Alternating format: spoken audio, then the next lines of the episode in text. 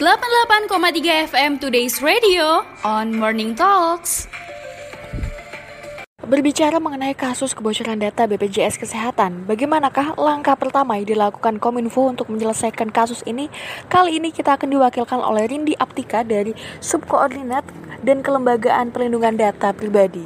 Eh, ketika ada berita tentang kebocoran suatu kasus, eh, maka Kominfo akan melakukan penelusuran dan investigasi terhadap kebenaran kasus tersebut juga meminta uh, eh, PSE yang kami duga mengalami kebocoran untuk melakukan klarifikasi dan melaporkan kebocoran yang terjadi kepada Kominfo. Penelusuran dan penyelidikan akan terus dilakukan secara mendalam. Kominfo juga melakukan koordinasi dengan pihak-pihak terkait sesuai dengan ketentuan yang berlaku jika dibutuhkan. Seperti itu, Mbak.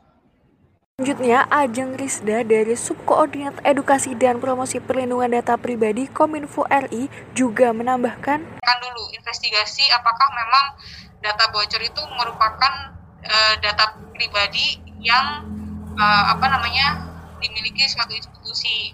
Karena memang kemarin arahnya ke BPJS kami mencoba memanggil BPJS untuk melakukan klarifikasi. Tapi hasilnya sampai sekarang masih dalam tahap investigasi sehingga uh, adapun beberapa hal yang harus disampaikan sudah kami sampaikan melalui siaran pers. Mungkin itu sih.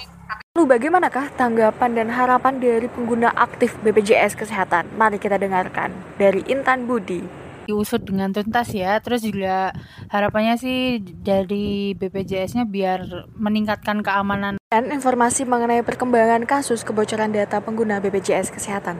Tetap selalu berhati-hati saat menggunakan media sosial dan internet.